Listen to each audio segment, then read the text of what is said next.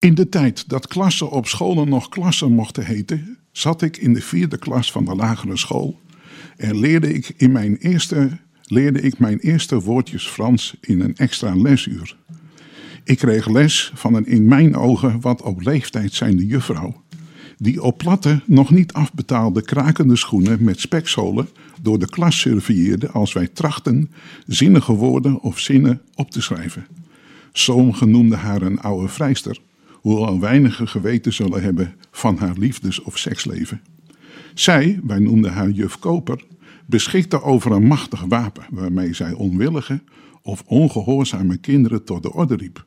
Zij trok dan, aan, zij trok dan zeer hard aan je oorlelletje.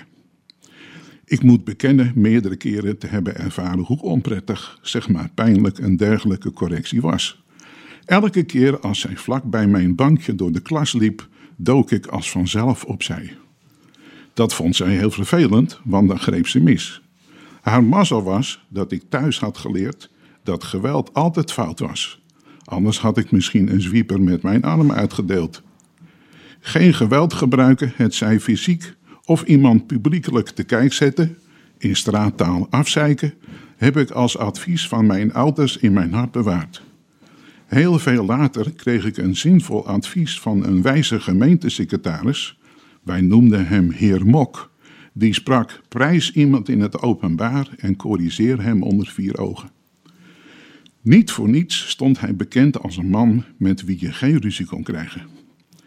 Deze gedachten schoten door mijn hoofd toen ik de brief van het college van BMW las die zij had verstuurd aan de fracties Tonaar, PvdA, DRP, Koekoek en Verdonk.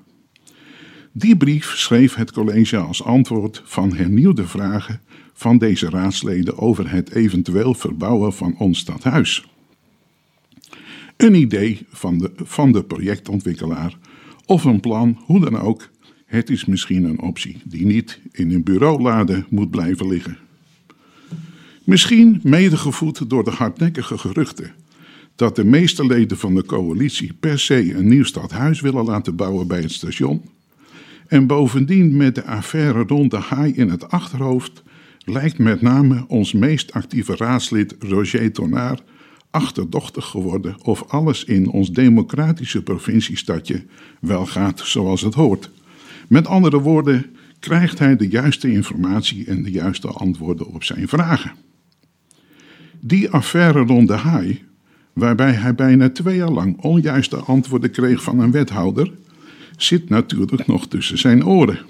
Die onwaarheden, of waren het leugens, waren er de oorzaak van of hebben ertoe bijgedragen dat die wethouder met de Noorderzon vertrok.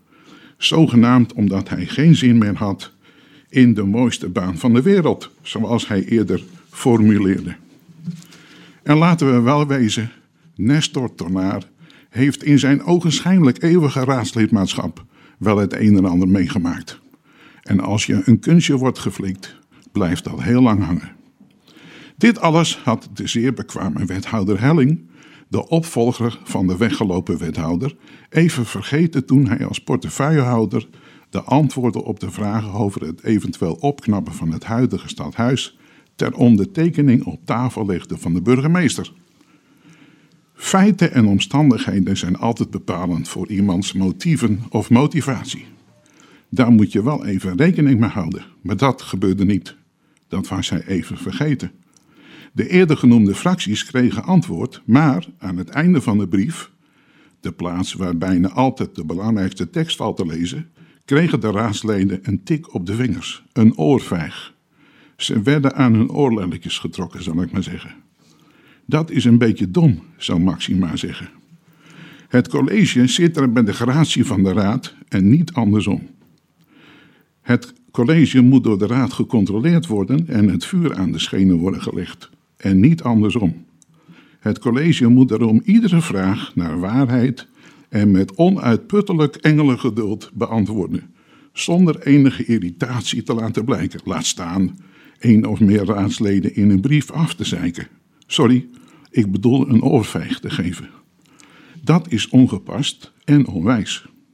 Bovendien, morgen heb je elkaar weer nodig in coalitieland. Roger Tornaar In het openbaar prijzen is voor sommige wethouders misschien een brug te ver. Misschien is dat ook wel wederzijds. Maar iemand onder vier ogen prijzen op de gedragscode is misschien overbodig, maar in ieder geval beter dan per brief. Dit zeggende moet ik toch nog even denken aan de gevluchte wethouder en de gedragscode voor het college. Is dat college dat alweer vergeten? Eigenlijk wel raar die handtekening van de burgemeester onder de brief. De tijd dat de burgemeester de beste en grootste stoel krijgt aangeboden als hij ergens op bezoek komt, is iets uit het verleden. Net zoals de tijd dat raadsleden Hartje Zomer pas hun colbertje in de raadzaal mocht uitdoen, als burgemeester Janssens dit als eerste deed. Maar tact, het bewaren van goede onderlinge verhoudingen binnen zijn gemeenteraad, hij is immers raadsvoorzitter, moet de hoogste prioriteit hebben van Jan Nieuwenburg. Het is daarom onbegrijpelijk dat hij die brief heeft ondertekend. Of is er een stempeltje gebruikt? Ik ben zeer benieuwd of de Raad hier nog iets mee gaat doen in de eerstvolgende raadsvergadering. Een motie van afkeuring misschien, in te dienen door een moedig raadslid? Of ontbreekt die moed? Of gaat het als een nachtkaars uit, omdat de raadsvergadering wegens het coronavirus wordt afgelast? Tot slot nog een advies aan het college. Afzeiken kan je beter aan een columnist overlaten.